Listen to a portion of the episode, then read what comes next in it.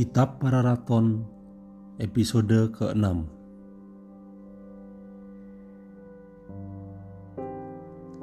Demikian juga dengan kerabat Tunggul Ametung.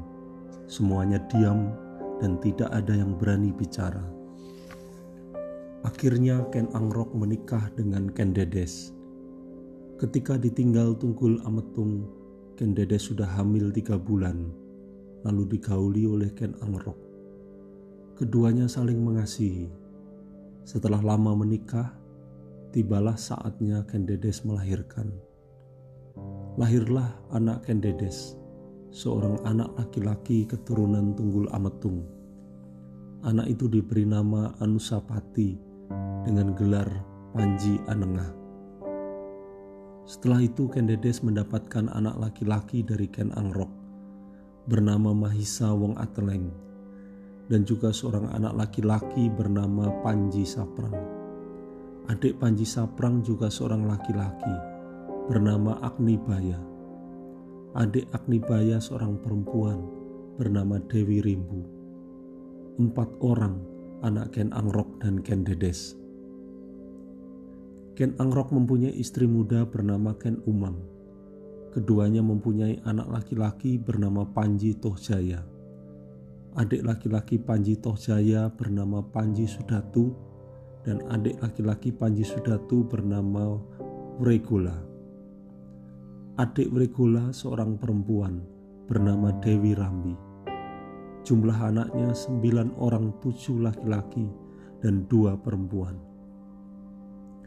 Demikianlah daerah sebelah timur Kawi sudah dikuasai dan seluruh rakyat takut pada Ken Angrok Lalu Ken Angrok ingin menjadi raja.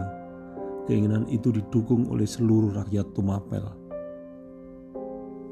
Sudah menjadi kehendak Dewata, Raja Daha saat itu Dandang Gendis berkata kepada para pendeta di seluruh Daha, katanya, Hei para pendeta Siwa dan Buddha, mengapa kalian tidak menyembah kepadaku? Bukankah aku Bapak Petara Guru? Para pendeta seluruh kediri menjawab, Tuanku, sejak zaman dahulu tak ada pendeta menyembah kepada raja. Demikian kata para pendeta. Dandang Gendis berkata, Nah, jika pada zaman dahulu tidak ada yang menyembah, sekarang menyembahlah kepadaku. Jika kalian tidak tahu kesaktianku, maka sekarang akan aku buktikan saat itu juga Raja Dandang Gendis segera menancapkan tombak.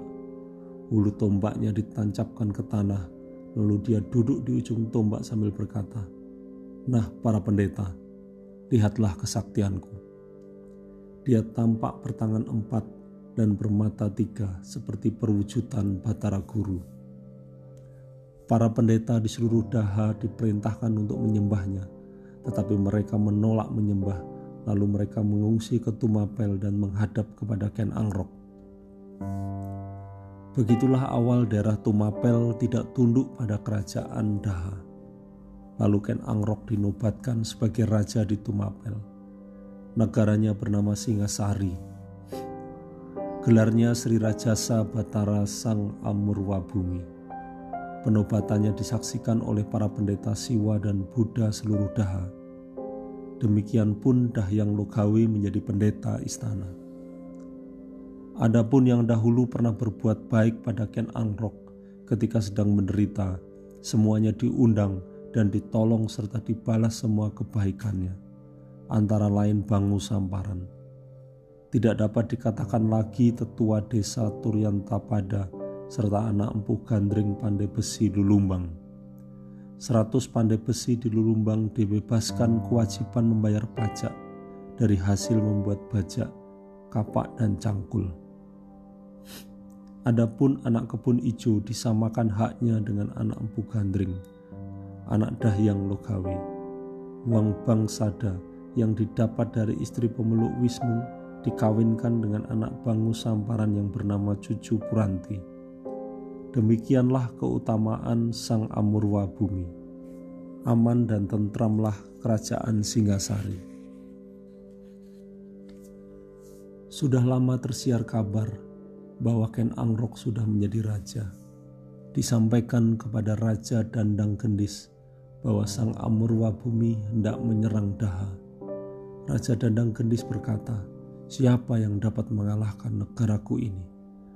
Mungkin kalah jika petara guru sendiri yang turun dari angkasa. Ken Angrok diberitahu bahwa Raja Dandang Gendis berkata demikian.